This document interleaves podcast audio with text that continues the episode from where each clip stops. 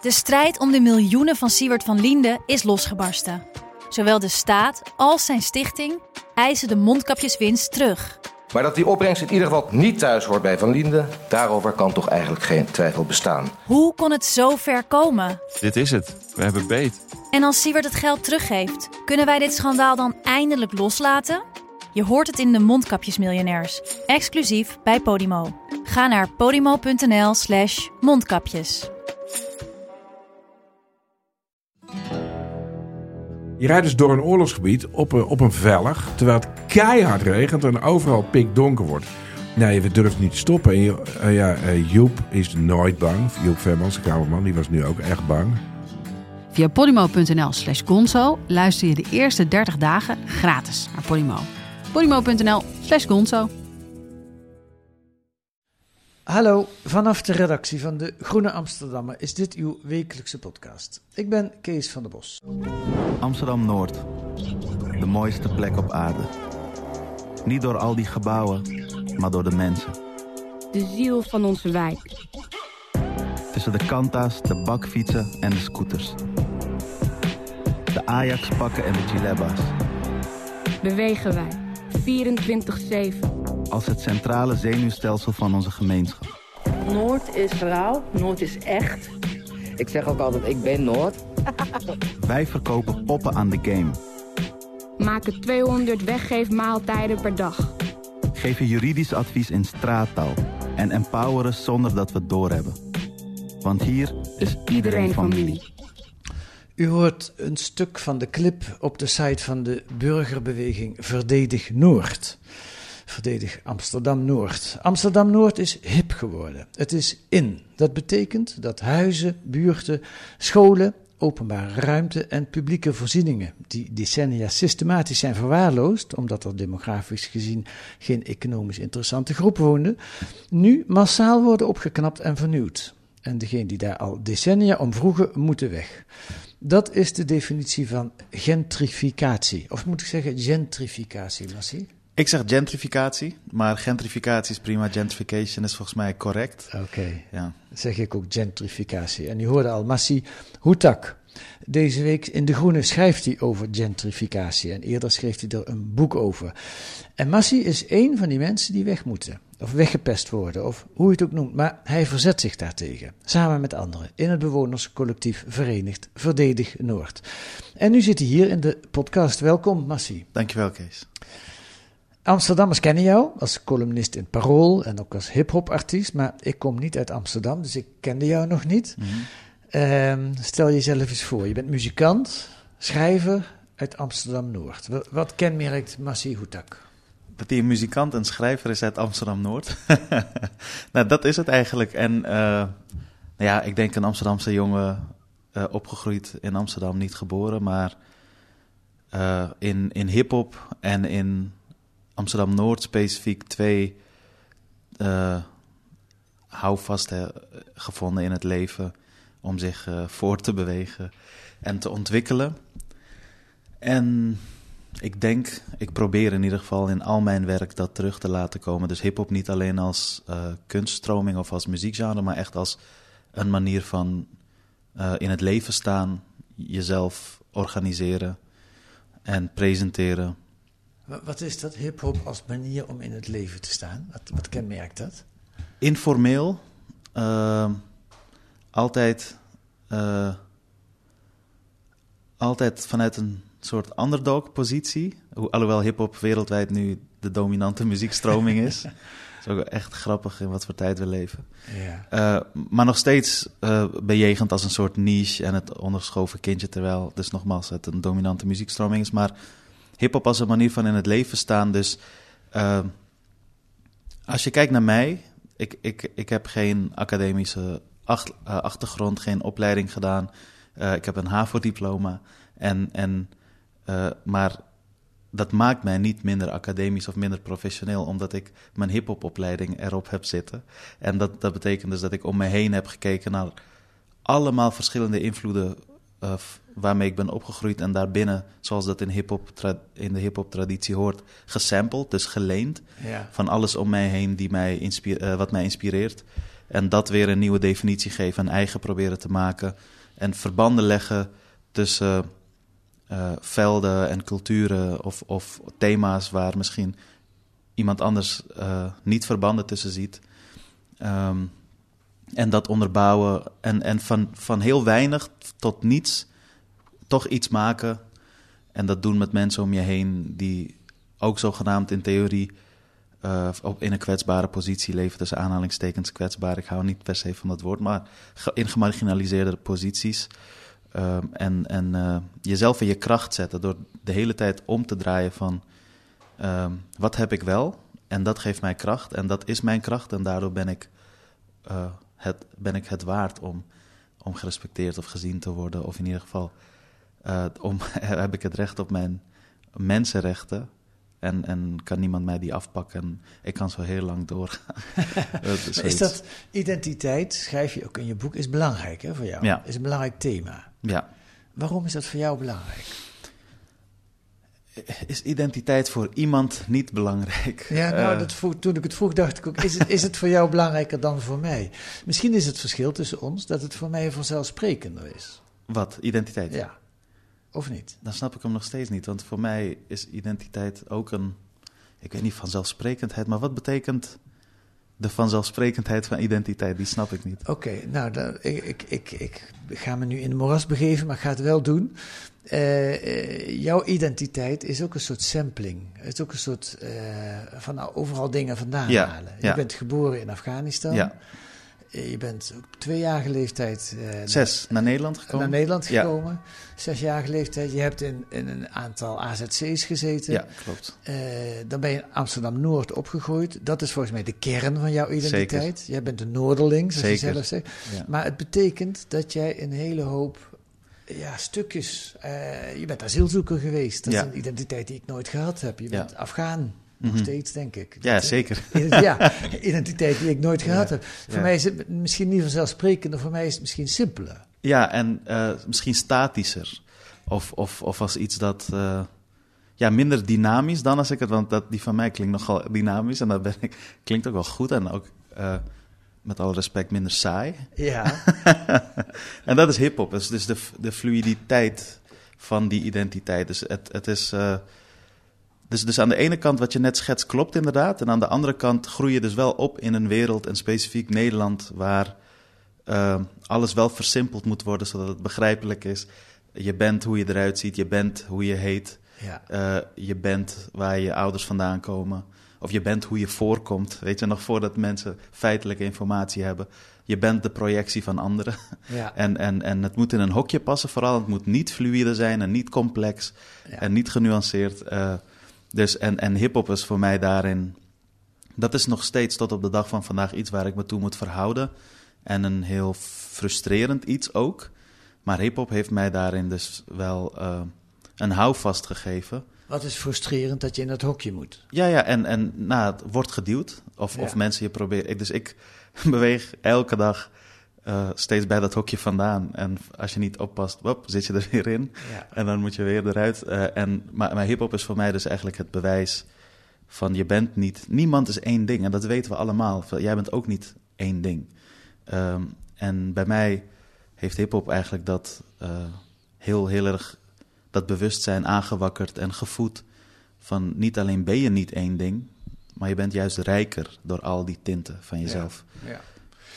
Oké, en welke tint... Ik ga toch proberen om in een hokje te duwen misschien, maar dan ga jij je wel verzetten. Welke tint is het felst gekleurd bij jou? Wat is het meest... Wat is het sterkst in jouw persoonlijkheid? Op dit moment eh, ja, zou ik toch zeggen Amsterdam-Noord. Hi- En hip-hop. Ja. en, maar, maar, ook, maar ook zeker weten de islam en de Afghaanse cultuur. Ehm, eh, en en eh, het sociale karakter van Amsterdam-Noord, van hip-hop, van islam, van Afghaanse cultuur. En dat in mijn karakter daarin ook. Ehm, ja, Maar Amsterdam solidariteit. Noord, ja, maar Amsterdam-Noord, daar vind je heel veel van die dingen Ja. die jou kenmerken. Ja, Je bent bijna verliefd op Amsterdam-Noord. Nou, bijna. ik ben het al. Ik ben eh, geobsedeerd, gefascineerd en verliefd, zeker, ja. Ja. Ehm, gentrificatie. Wat, wat, wat, waar komt dat rotwoord eigenlijk vandaan? Eh, van de Engelse term gentrification. En volgens mij was eh, stedenbouwkundige Cody Hoogstenbach de eerste die het eh, anglicisme introduceerde in Nederland door er eh, gentrificatie van te maken. Ja. En ik denk, ik ben nog steeds op zoek naar hoe dat nou precies zo.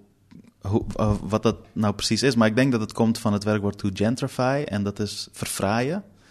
Dus verfraaiing. En Ja. ik gebruik dan ook die Nederlandse vertaling. En helemaal als je dan tegenover de verwaarlozing zet van Ja. hetgeen dat verfraaid moet worden. Ja. Oké, vandaag opening. We zitten op dinsdag hier bij elkaar. Meestal op woensdag, vandaag op dinsdag. Opening Volkskrant, gentrificatie in Rotterdam, de Tweebosbuurt. Dat is jou vast allemaal bekend. Rotterdam-Zuid, denk ik een beetje te vergelijken met Amsterdam-Noord in die zin. Vroeger was Rotterdam-Zuid, eh, daar wilde je als Rotterdam helemaal niet gevonden worden. Amsterdam-Noord was vroeger ook niet. En nu is Rotterdam-Zuid hip aan het worden. Eh, en de wooncoöperatie eh, Vestia gaat bijna 600 sociale huurwoningen slopen. Ze zijn er al mee begonnen. En daarvoor in de plaats komen er 137 terug. Met andere woorden, eh 463 eh, bewoners. Die moeten maar zien waar ze blijven. Ehm, dat is gentrificatie. Ja, ja zeker. Dus, dus ehm, stedelijke ontwikkeling en, en miljoenen investeringen voor toekomstige bewoners die nog niet in een stad wonen. Ja. Ten koste van de bewoners die nog wel in de stad wonen en de woningen en de, de woningbouw die er al is, maar waar geen plannen voor zijn behalve sloop. En als je geluk hebt, renovatie. En als je echt geluk hebt, renovatie met terugkeergarantie. Ja. Eh, dus ja, dat is zeker een voorbeeld van gentrificatie. Ja, en dat is ook misschien op een iets, nou nee, niet op een andere manier. Nou, in Rotterdam is het wel, wel extra eh, bijzonder dat rapporteurs van de Verenigde Naties vorige week zelfs een rapport hebben eh, opgesteld. En ze, ze noemen het een schending van de mensenrechten. Ja. Eh, dat is nogal wat als je als stad door de Verenigde Naties zo op de vingers getikt wordt. Ja. De VVD-wethouder van Rotterdam noemde het, het het begin van een dialoog. Ja, dat is, dat is eh, VVD eigen. Hè? Ja. Dat is, eh, nee, maar zo'n onderzoek is in Amsterdam ook heel erg nodig. En ik denk dat hier ook echt eh, flink wat boetes uitgedeeld worden, als ik het even zo mag zeggen, als dat onderzoek er komt. Ja. Want het recht op huisvesting is een universeel mensenrecht, inderdaad. Zelf mogen bepalen waar je woont en hoe je woont zijn universele mensenrechten. En die worden beleidsmatig geschonden, niet alleen in Rotterdam en Amsterdam of in de Randstad, ook buiten de Randstad, zoals Nijmegen en Eindhoven en wereldwijd. Eh, een paar jaar geleden had je de documentaire Push, die eh, volgens mij de belangrijkste vertoning was eh, op het ITVA. Die ging daarover en daar zag je ook een VN-gezant de wereld rondtrekken om dat universele mensenrecht te controleren eigenlijk. En gaandeweg haar reis is ze geradicaliseerd. Zoals ik gaandeweg mijn reis in mijn boek. En heeft ze op een gegeven moment gezegd van het is niet eens meer een kwestie van controleren in hoeverre het universele mensenrecht op huisvesting in steden wordt gewaarborgd. Ja. Het is nu een kwestie van sancties leggen, omdat ze zo beleidsmatig en structureel worden geschonden, dat eh, steden daar echt, echt een andere invulling aan gaan geven. Ja. Jij hebt ook de wereld rondgereisd. Tenminste, je bent ook op Ja. Berlijn, Los Angeles, Ja. New Orleans. Ehm, voor jouw boek, eh, je hebt ons niet ontdekt, we zijn hier al. Ja. Ehm, ik laat even een stukje van jou als hip-hop artiest horen, omdat dat volgens mij, dan, dan kun je daar dadelijk een toelichting bij geven. Luister. Ja, ik weet nog dat ik voor de klas stond en kids leerde dat integratie alleen lukt als het wederzijds is. Tegenwoordig zie ik allemaal nieuw Noorderling in de buurt en vraag me af. Ja, Massie. Wat nu?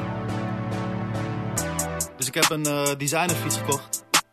Zo van, wat jullie kunnen, kunnen wij ook pik. Noem het een kleine daad van verzet. Noem het een schreeuw om aandacht. Noem me wanhopig. Ik noem het. Welkom in de Noordzij, bitch. Word wakker in de Noordzij. Jij vond eerst Noordzij. Nu is het je droom. Fuck jou, Columbus syndroom. Hey, ik kom haters vernielen. Yeah.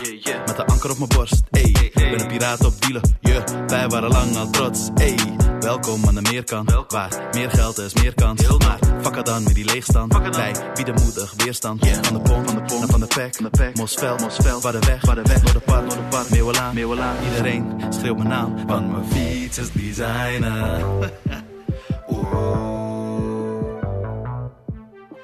Want mijn fiets is designer. Ehm, dat, dat is een statement. Ja. Die designer fiets is een statement. Ja, zeker. Wat wil je erbij uitdrukken? Wat ik aan het begin van het nummer zeg, van wat jullie kunnen, kunnen wij ook pikken. en nou ja, de, die designerfiets en specifiek de Van Moof designerfiets begon op een gegeven moment in mijn wijk een symbool te worden voor, uh, voor de nieuwe nieuwkomers. En ook eigenlijk voor het kapitaal uh, uh, in, in de wijk, want het is geen goedkope fiets. Um, en, en, en nou ja, dus dezelfde mensen die die designerfietsen, die nieuwkomers, uh, die die designerfietsen gebruiken en, en in mijn wijk zijn, die keken mij aan alsof ik niet thuis hoorde in de wijk. En mijn vrienden, omdat we kanta's rijden of normale fietsen of geen fietsen, of auto's. Zo, zoals de bakfiets dat bijvoorbeeld ook is, zo'n zo'n symbool werd designerfietsen. Maar, maar ik wilde hem wel heel graag oprecht. Ik wilde heel graag zo'n fiets. En, um, je hebt hem ook echt? Of heb ik je heb hem. Nou ja, ik heb, ik heb. Dit verhaal wordt, wordt mooi. ik heb hem. Uh, dus in dit nummer zeg ik: ik heb een designerfiets gekocht. Maar ik heb hem eigenlijk. Toen de tijd hadden ze een abonnementregeling. Want anders kon ik hem nooit betalen. Dan had ik hem voor 19 euro per maand aangeschaft. En, maar, maar toen ik erop ging fietsen, keken diezelfde andere designerfietsbezitters weer op een hele andere manier naar mij. Maar dan niet zo van niet normaal, maar nog verwarder. Ja, ja. en, en, en, maar, want ik fiets hem in mijn Ajax tenue met mijn slippers. En weet je, gewoon zoals ik ook in de buurt en thuis gewoon beweeg. En het verschil tussen buurt en thuis is voor mij uh, klein, dus het is hetzelfde. En, uh, en op een gegeven moment bracht ik dat nummer uit. En heeft Van Move dat nummer gehoord. En uh, zijn we een paar keer met elkaar in gesprek, heel sportief. Ze hebben, me, ze hebben me uitgenodigd op kantoor en zeiden dat ze het een goed nummer vonden, maar ook de kritiek die eronder zit erkennen. Namelijk, wat moet een toegankelijker middel zijn in een stad dan de fiets? En helemaal in Amsterdam, in Nederland. En waarom is die fiets van jullie zo duur, weet je wel? En, uh, en toen kwam ik erachter dat de ontwerper, de hoofdontwerper, uh, een jongen is geboren getogen in Noord, die op dezelfde middelbare school heeft gezeten als ik. Nou. En, en, en die ook, van wie ik echt het gevoel kreeg van jij begrijpt oprecht wat, wat hier beter kan binnen jullie bedrijf. En op een gegeven moment zijn we met elkaar in gesprek geweest. Ik uh, zit in een pro, uh, traject van het Amsterdam Museum, waar ik werk naar een eigen tentoonstelling toe, waar ze mijn videoclips ook opnemen in hun collectie. Ze hebben ook de designerfiets uit de videoclip in, in de collectie en die hangt ook in het museum. Dus toen was ik wel mijn designerfiets kwijt. en, maar we hadden met Van Moof geregeld dat zij mijn abonnement, of het Amsterdam Museum kocht mijn abonnement vrij. En ik kreeg een nieuwe fiets van Van Moof en een elektrische. Maar ook met de afspraak van we blijven met elkaar in gesprek. Uh, ik wil ook dat er andere Noorderlingen zo'n fiets krijgen voor niks. En misschien moeten jullie een keer naar het Noord komen met een soort werkplaats waar andere jongeren leren fietsen maken, ontwerpen. En dan blijven we zo op die manier met elkaar een samenwerking aangaan. Dat is een van de voorbeelden van wat er allemaal is voortgekomen uit, uit dit nummer. Ik had, voordat het een nummer werd, eerst een column erover geschreven, toen een kort verhaal. En op een gegeven moment dacht ik, hey, dit is een nummer. En na dit nummer dacht ik, dit wordt een visueel album. We moeten even uitleggen wat die gentrificatie Ja. in Amsterdam-Noord inhoudt. Kijk, in Rotterdam, dat voorbeeld van de Tweebosbuurt, dat is heel grof. Hè? Vestia, nou we kennen Vestia nog als een woningbouwcoöperatie die in 2011 eh, enorm veel geld verloren heeft door derivatenhandel en allerlei flauwekul. Dat heeft weer te maken met de privatisering van de wooncorporaties. Maar daar is het gewoon keihard van bovenaf. Eh, bewoners worden uit hun huizen gewerkt, omdat eh, de coöperatie die wil ook wel eens wat anders in die wijk. In Amsterdam-Noord gaat het subtieler hè, op dit moment. Subtieler bedoel ik mee, die buurt is aan het verhippen. Die, die, eh, die fiets die, die, is daar een voorbeeld van. Maar de bakfietsen ook en de, de, de, de hip- hippe cafeetjes. Eh, dat is leuk voor de hipsters en leuk voor de kunstenaars die daar komen, de broedplaatsen. Maar dat heeft gevolgen in de buurt. Dat is gentrificatie Ja. in Noord. Hè? Ja, nou ja, kijk, dus, dus bij ons zijn er ook voorbeelden hoor, dat het zo hard gaat en is gegaan als in de Tweebosbuurt. Uh, maar, maar gentrificatie over het algemeen kent verschillende fases. En uh, de fase die je net omschrijft van de uh, voormalige publieke ruimtes, zoals buurthuizen die broedplaatsen worden, uh, rommelige gebieden, zoals het Hamergebied in Amsterdam Noord, met garages, tankstations, ateliers. Daar komen ineens hippe cafés en een bierbrouwerij en noem maar op. Dat zijn allemaal fases naar het model van Richard Florida, die zegt van steden hebben wereldwijd decennia eigenlijk geworsteld met de zogenaamde achterstandswijken. Mhm. Van hoe krijgen we die weer op de rails en krijgen we die weer op het sociaal-economische of op het economische niveau van de rest van de stad die wel groeit en die ook tussen aanhalingstekens succesvol is. Uh, en, en het traditionele model daarin was grote investeringen, een groot theater, een groot uh, sportstadion, uh, een brug, een kabelbaan. Het AI-museum ja, in Amsterdam-Noord. Precies, ja. ja. Ja, En Barclays Center in Brooklyn. En, maar, Richard Florida zei van uh, beste burgemeesters wereldwijd. Hij is een uh, socioloog en stedenbouwkundige uit Amerika. Um, ga niet zulke dure investeringen doen. Zorg dat, uh, hij noemde dat de drie T's, dus tech, talent en, dan ben ik de derde T even kwijt. Maar, maar zorg dat jonge kunstenaars en jonge creatievelingen, de academisch opgeleide mensen, hij noemde het nog net niet, maar de subtekst is witte, hippe mensen zich in die zogenaamde moeilijke wijken welkom voelen. Dus geef ze goedkope woon- en werkruimtes. Dan volgen daarna de, als zij een gemeenschapje met elkaar gaan vormen, volgen de cafés en de uh, ateliers. En daar volgen de projectontwikkelaars achteraan. En deze zogenaamde pioniers, dus de eerste mensen, worden vervolgens zelf ook verjaagd, maar dat had niemand in de gaten. Uh, dus, dus dat is eigenlijk een universeel proces. Dat gebeurt ook in Rotterdam en de hardheid van Rotterdam gebeurt ook in Noord. Dus het is echt per wijk is het echt verschillend. En Noord is wel, ik denk in Nederland zou ik bijna durven zeggen, het, het uh, moderne voorbeeld van een gentrificatiepilot. Wij zijn best wel ver. We hebben heel, veel van die fases achter de rug waar je binnen Amsterdam en ook buiten de Randstad veel van kunt leren. Van hé, hey, we moeten even oppassen als deze dingen gebeuren. Hoe waarborgen we wat er, al, wat er nog is? Die, die verhipping, hè, dat Amsterdam-Noord hipper wordt. Ben je daar op zich tegen? Nee. Nee, ik ben daar niet op tegen. Sterker nog, ik ben een van die mensen die ook decennia lang roept om bepaalde voorzieningen die er nu eindelijk komen. Maar de, het feit dat ze er nu komen, als gevolg van zo'n ketting aan processen die daaraan vooraf ging, uh, dat vertelt ook een verhaal. En, dat, en het feit dat dat proces leidt naar mijn verdrukking, zegt dus van oké, hier heb je eindelijk die voorzieningen, maar ze zijn niet voor jou. En hoe ziet jouw verdrukking eruit? Uh, het duurder worden van uh, uh, huren, het onbetaalbaar worden van huren en van koopwoningen, tot aan het verdwijnen van het sociale karakter van de wijk, het anonimiseren van een dorp eigenlijk, wat Amsterdam-Noord altijd was en nog steeds is. Het dorp naast de stad, dat is nu een stad in een stad aan het worden. Um, dus, dus ik zelf voel ontzettend de druk dat ik er niet meer kan wonen. Financieel kan ik het straks niet meer betalen. Nu al heel moeilijk. En bovendien, als ik het al kan betalen, waar is mijn gemeenschap? Als iedereen ook wordt verdrukt. Ja. ja. ja. Nu ben jij een van die mensen die zich daartegen verzet. Uh, Verdedig Noord. Yes. Uh, hoe lang bestaat dat eigenlijk al? Nou, Verdedig Noord bestaat sinds 3 juli 2019 toen dit nummer uitkwam. Okay. En het nummer eindigt ook met dat ik Verdedig Noord zeg. En dat was eigenlijk als dit nummer de voorloper van een theatervoorstelling die ik toen had gemaakt over mijn reis. En wat leidde uiteindelijk naar het boek. Ja. Um, maar wat kun, je, wat kun je er tegen doen, tegen die gentrificatie? Is er iets tegen te doen? Zeker, zeker. Je kunt er verschillende dingen tegen doen. Dan moeten we even je definiëren. Dus je hebt aan de ene kant de bewoners en aan de andere kant de politiek en beleidsmakers. En die moeten met z'n tweeën samen dingen doen. En dan kun je het. Ik zeg niet dat je het moet voorkomen of tegenhouden. Je moet hem inclusiever en gelijkwaardiger maken. Dus ik ben niet tegen de uh, voorzieningen die er nu komen of de zogenaamde verhipping.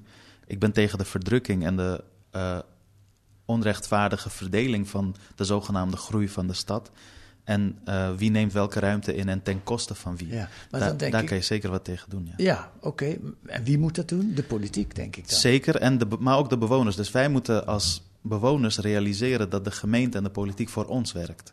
En wij moeten, net als vanuit mijn hip-hop mentaliteit, dus wat hebben wij wel? We hebben niet het financiële kapitaal, maar we hebben wel het sociaal-culturele kapitaal van de wijk. Wij kunnen met Verdedig Noord ontzettend veel mensen mobiliseren en organiseren en informeren op een toegankelijke manier. Uh, op een begrijpelijke manier, dat mensen ineens begrijpen: shit, dit gaat ook over mij. En uh, ons collectieve belang uh, is nu het belangrijkste. Ook met mensen met wie ik misschien op persoonlijk vlak veel verschillen ervaar, of op cultureel vlak. Straks kunnen we allemaal niet meer in Noord wonen. Mm. En we hebben roots over de hele wereld, maar we wijzen allemaal Noord aan als thuis. Dus als we, en, en dat is wat je allemaal kunt doen en wat wij ook met Verdedig Noord doen. En dan uh, ook de, de, de macht uitdagen, dus de gemeente. Dus zoals wij vorige maand met andere bewonersorganisaties uit Noord een hoorzitting hadden. Uh, in de Bali, waarin we uh, de gemeenteraad ter verantwoording riepen voor de gentrificatie van Noord. Van al die miljoenen plannen en investeringen. En nul, echt nul plannen voor oudbouw en oude bewoners hoe kan dat? Dan denk ik, dan zit je in Amsterdam goed, want we hebben een links gemeentebestuur. Hè? SP, PvdA, D66 en GroenLinks, geloof ik. Die zijn met z'n vieren uh, ja. vormen het gemeentebestuur. Dus die willen wel uh, ja. naar jullie luisteren. Links is heel relatief hè, in Nederland. de, term, de term links is, het hangt vanaf wie op welk uh, spectrum kijkt om, om, links te bepalen. Nou ja, kijk, het linkse college in Amsterdam... Um, ze zeggen zelf vaak, de mensen die ik spreek ja, we zitten nog met de brokken van het oude college en van het VVD-beleid. Eh, dus aan de ene kant krijg je dat, aan de andere kant krijg je te horen van inderdaad, het gaat verkeerd. Dus bijvoorbeeld wethouder Laurens Evans van Wonen van de SP, SP ja. die zegt wel, met nadruk op zegt, van hey, als we als woningcorporaties niet ophouden met sociale huurwoningen verkopen, dan kopen wij het als gemeente weer op. Is een mooi, mooi ding om te zeggen. Het is een nog mooier ding om te doen. Het is belangrijk, want zo maak je woningbouw en huizen weer een publieke voorziening. En in handen van de gemeente, zoals de gemeentelijke woningbouw waar we ook vandaan komen. Um, voordat het allemaal werd geprivatiseerd. Alleen het blijft bij zeggen. En, en hij heeft ook al een keer eerder gezegd van misschien, als ik het goed heb, van misschien moeten we werken met een huurdeksel. Uh, maar dat blijft bij zeggen. Een huurdeksel, een maximum. Een maximum van een huur, zoals ze in ja. Berlijn ook hebben. Ja. Uh, en sterker nog, in Berlijn hebben ze op een gegeven moment uh, gezegd... met terugwerkende kracht, met allerlei inspecties... kunnen bewoners huren zelfs terugkrijgen... als hun woningen niet voldeden aan de hoogte van de huur. Nu zitten we net weer in een fase dat ze dat in Berlijn aan het terugschroeven Ja. zijn. Ja. Maar um, dat zijn wel voorbeelden van wat, wat je op gemeentelijk niveau kunt doen... en op politiek niveau kunt en eigenlijk moet doen om dat universele mensenrecht, nogmaals, ik, ik kan niet genoeg benadrukken dat we het hebben over basale mensenrechten. Het is niet alsof we vragen om liefdadigheid of om een luxe. En, en als je, dus zelfs als ik me overal bij neerleg en ik betaal ontzettend veel geld voor een uh, huurwoning uh, van 100 jaar oud, waar in 100 jaar nog geen dakpan is vernieuwd en ik nog lood in mijn leidingen heb. Gewoon daar, weet je, van ik betaal jaarlijks verhoogde huren. Waarom heb ik lood in mijn leidingen? Waarom is het slecht geventileerd? Dit is de waarheid voor tienduizenden Ja. uh, bewoners in Amsterdam Noord, in een van de rijkste landen ter wereld op dit moment. We vragen niet om liefdadigheid. Het is in feite anticapitalistisch verzet. Want wat er Mhm. gebeurt, die gentrificatie is een moeilijk woord, verfraaiing, eh, Ja. als je het zo vertaalt. Maar het gaat vooral om geld verdienen eigenlijk. Toch? Ja, ja, nou ja, en, en geld verdienen nog tot daaraan toe, maar uitbuiten. Uitbuiten is het, is het probleem. Wij zijn niet anti-geld. Mhm. We zijn anti-uitbuiting en anti-onrecht. En ten koste van wie gaat het? Zo, waarom? Dat, dat, dat zei ik gisteren ook uh, aan de telefoon tegen Simon, die hier zit trouwens. Ja. Uh, um, waarom? Een, een, aantal simpele vragen. Waarom moet Amsterdam een metropoolstad worden, een metropool worden? Waarom moet het zichzelf meten aan een New York en aan een Tokio en aan een Londen? Waarom moeten we groeien? Dus groei is echt een heilig ding in Nederland en in het Westen. Groei ten koste van alles en iedereen. Ja, dat is de wet van het kapitalisme. Precies, en dat, maar, maar we leven in een soort van: er is geen alternatief tijdperk. Alsof we niet kwamen van een socialistische traditie. Waar sommige mensen het ook niet mee eens waren en toen een alternatief bedachten. Ja, maar dat is ook wel grappig. Amsterdam Noord is eigenlijk gebouwd in een socialistische traditie. Zeker. Toen zeker. er de beste architecten opgezet werden om voor arbeiders huizen te bouwen. De Amsterdamse school. Ja. Precies. En, en Vogeldorp, Disteldorp, Tuindorp, al die tuindorpen van ons zijn daar voorbeelden van. Maar ook de tuindorpen elders in Nederland, waaronder in Charlois in Rotterdam-Zuid, die zijn er nog. Dat, dus dat is de traditie waar we het over hebben. Uh, de laagbouw, genoeg groen en vooral de zelfvoorzienendheid van de arbeidersklasse vergroten. Tot, waar tot op de millimeters werd berekend van hoe kunnen we ervoor zorgen dat er zoveel mogelijk zonlicht op een dag valt op de huizen van arbeiders. Wordt nu op de millimeters berekend. Uh, welke straten gaan we slopen en renoveren? Waar valt het meeste zonlicht? Mhm. Daar gaan we slopen en verkopen. We zitten alweer bijna aan het einde van de podcast, Marcie. Uh, ik wil nog op één ding met jou even kort onderzoeken. Hoe krijg je het voor elkaar met Verdedig Noord? Dat is een soort een buurtcomité, zeg ik. Uh, het zijn bewoners van Noord die zich verzetten tegen Ja. de zodanige verandering van hun buurt dat zij eruit geschopt worden. Uh, maar die bewoners, dat is een melee. Je schrijft zelf, het kan zijn dat mijn buurman PVV stemt of misschien Forum voor Democratie. Maar op dit punt hebben jullie een belang, Ja. eh, delen jullie een belang. Hoe krijg je in godsnaam die mensen bij elkaar? Ehm, ja, ik, ik, ik vind het moeilijk. Ik ga niet pretenderen, dat is nu in, in volzin, alsof ik daar... eh, het is ook niet alleen ik, ik ben een versterker van onze groep. Dus eh, wat wij doen is de menselijkheid van alle cijfers en stenen en straten... en die ene plattegrond van de, de plattegronden die wij kennen van steden... De, wat, wat je daar niet op ziet, is het sociale karakter en de gezichten en de verhalen en de menselijkheid. Daar nadruk op leggen. Dus het klopt dat in de kern Verdedig Noord zeker zich verzet tegen, maar de andere helft van het verhaal is dat Verdedig Noord bouwt aan een alternatief. En, en, en waar we van houden, meer benadrukt, bezinkt, uitbeeldt en laat zien dan dat wa- waar we tegen zijn.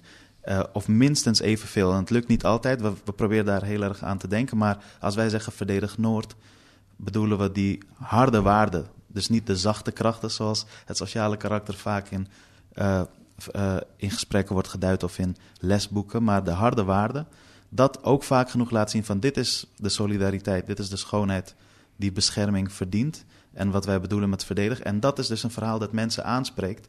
En het is, het is niet het meepraten met de gemeente. Het is ook niet geïntimideerd zijn of onder de indruk zijn. Sterker nog, we leven nu in een fase in Amsterdam Noord dat de gemiddelde bewoner beter geïnformeerd is dan onze gemiddelde politicus of wethouder of stads, stadsdeelbestuurder. En dat zijn hele interessante gesprekken aan een tafel waar de machtsverhouding in het voordeel van de politicus is. Maar uh, en zij hebben ook een informatievoorsprong. Die weten vaak veel beter wat de plannen zijn en wat de begrotingen en wat eraan komt. Maar de bewoner, dat is de deskundige en dat is de expert. En doordat we bewoners, en, en wij zijn dus, ik ben ook een bewoner. Ik praat niet alleen over, ik praat met en ik ben ook een bewoner. Ja. En ik denk dat dat is wat mensen aanspreekt. En doordat we de hele tijd de nadruk ook leggen op waar onze kracht wel ligt, wat we wel hebben, wat we wel kunnen, dan zie je dat mensen ook in hun kracht komen te staan. En alleen al het feit dat ze menselijk benaderd worden, dat wij menselijk, elkaar menselijk benaderen, is denk ik uh, waar mensen zien van we hebben een collectief belang. Uh, ik vind het wel belangrijk dat er binnen Verdedig Noord, en gelukkig is dat ook zo, naast anti-gentrificatie ook een anti-koloniale mentaliteit is. Antiracistisch mentaliteit en een werkhouding, want we gaan het niet hebben over basale mensenrechten, daar gaan we nooit over discussiëren. Uh, maar uh, ons collectieve belang op dit moment is: Noord is ons thuis. Wij hebben het recht om hier te blijven wonen. En daar gaan we voor strijden. Ik hoop dat we nog veel gaan horen van uh, Verdedig Noord. Uh, en veel succes. En dankjewel voor dit gesprek. Yes, bedankt. Als mensen mij vragen waar ik vandaan kom, dan antwoord ik beslist Amsterdam Noord. Als ze daarna lachend vragen waar ik echt vandaan kom, zeg ik Buikslotermeerplein. Je weet wel, dat winkelcentrum waar Poont en Geen Stijl met een camera en een blonde jongen met babyface naartoe gaan als ze quotes nodig hebben voor een spraakmakende item. En ik geef ze geen ongelijk, want waar vind je authentiekere Amsterdammers dan in Noord? Nog voordat ik mezelf af... En dat kunt u deze week lezen in De, de Groene. Een verhaal over gentrification, gentrificatie van Massi Houtak. Verder deze week in De Groene een profiel van de filosoof van het compromis, Jesaja Berlin, die zowel door rechts als links werd aangevallen en geminacht. Een profiel gemaakt door Arnon Grunberg. En een onderzoek naar de financiële banden van Nederland met de internationale wapenhandel. Van de 50 belangrijkste wapenbedrijven heeft maar liefst de helft, 25 dus, één of meerdere vestigingen in ons land. Vaak ook fungeren die als financiële draaischijf bij het ontwijken van belastingen. Allemaal te lezen met een abonnement of een proefabonnement op de Groene. Ga dan naar groene.nl, daar wordt u dat allemaal keurig uitgelegd. Wilt u reageren op deze podcast, dan kan dat ook. Stuur een mail naar podcast.groene.nl. Uh, volgende week zijn we er weer met analyses en achtergronden bij het nieuws in deze podcast van de Groene Amsterdammer, die deze week werd gemaakt door Simon de Kweker. Zo zeg ik het goed, Simon? En Kees van der Bos. En de muziek, ook die je nu hoort, is van Massi Hoetak. Voor een spraakmakende item. En ik geef ze geen ongelijk, want waar vind je authentiekere Amsterdammers dan in Noord? Nog voordat ik mezelf Afghaan of Nederlander noem, zelfs nog voordat ik mezelf Amsterdammer noem, noem ik mezelf Noorderling. Noord is de plek waar ik opgroeide, de plek waar ik binnen de verschillende culturen van mijn vrienden leende wat ik tof vond en dat weer gebruikte in mijn eigen werk. Samplen, geheel in de traditie van mijn grote liefde hip-hop. En dat samplen vond ik ook weer terug in de Amsterdamse musea en discotheken en poppodia. In Noord komt het allemaal samen. Noord is Nederland in het klein. Vogelbuurt is Groningen, een dorp dat heel graag een stad wil zijn en niemand zegt er wat van. Nieuwe Dammerdijk is Krailo, het gooi van Noord, waar de upper class in Zaanse huisjes woont met de jacht voor de deur. Floradorp is Helmond, white trash jeugd die in Kantas rijdt. Noord is de enige plek waar ik tien jaar lang onafgebroken heb gewoond. Ik ben geboren in Afghanistan, ik ben opgegroeid in Nederland, maar ik ben thuis in Noord.